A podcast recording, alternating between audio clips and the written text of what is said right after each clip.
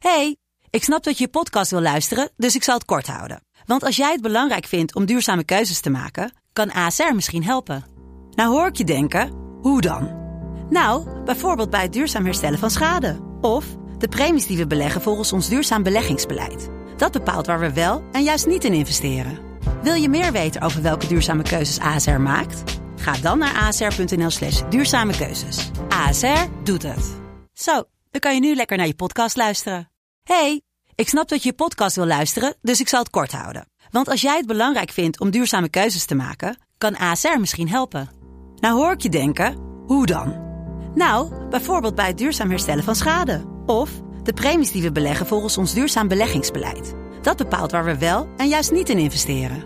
Wil je meer weten over welke duurzame keuzes ASR maakt? Ga dan naar asr.nl slash duurzame keuzes. ASR doet het. Zo, dan kan je nu lekker naar je podcast luisteren. De stroom.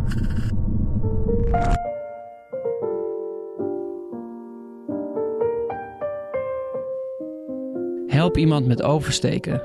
Geef iemand een hand. Bied iemand een koffietje aan. Lekker vers gebrand. Bied iemand een bloemetje aan. Vraag naar diens dag. Iemand kan iedereen zijn. Ook jezelf mag.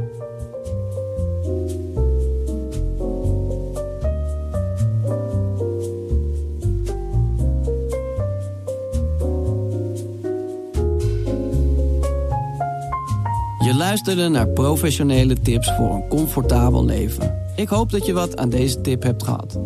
Dat je de boel even de boel hebt kunnen laten. Heb jij zin in nog meer fijne podcast? Luister dan eens naar Vader of de podcast Use and J New Emotions.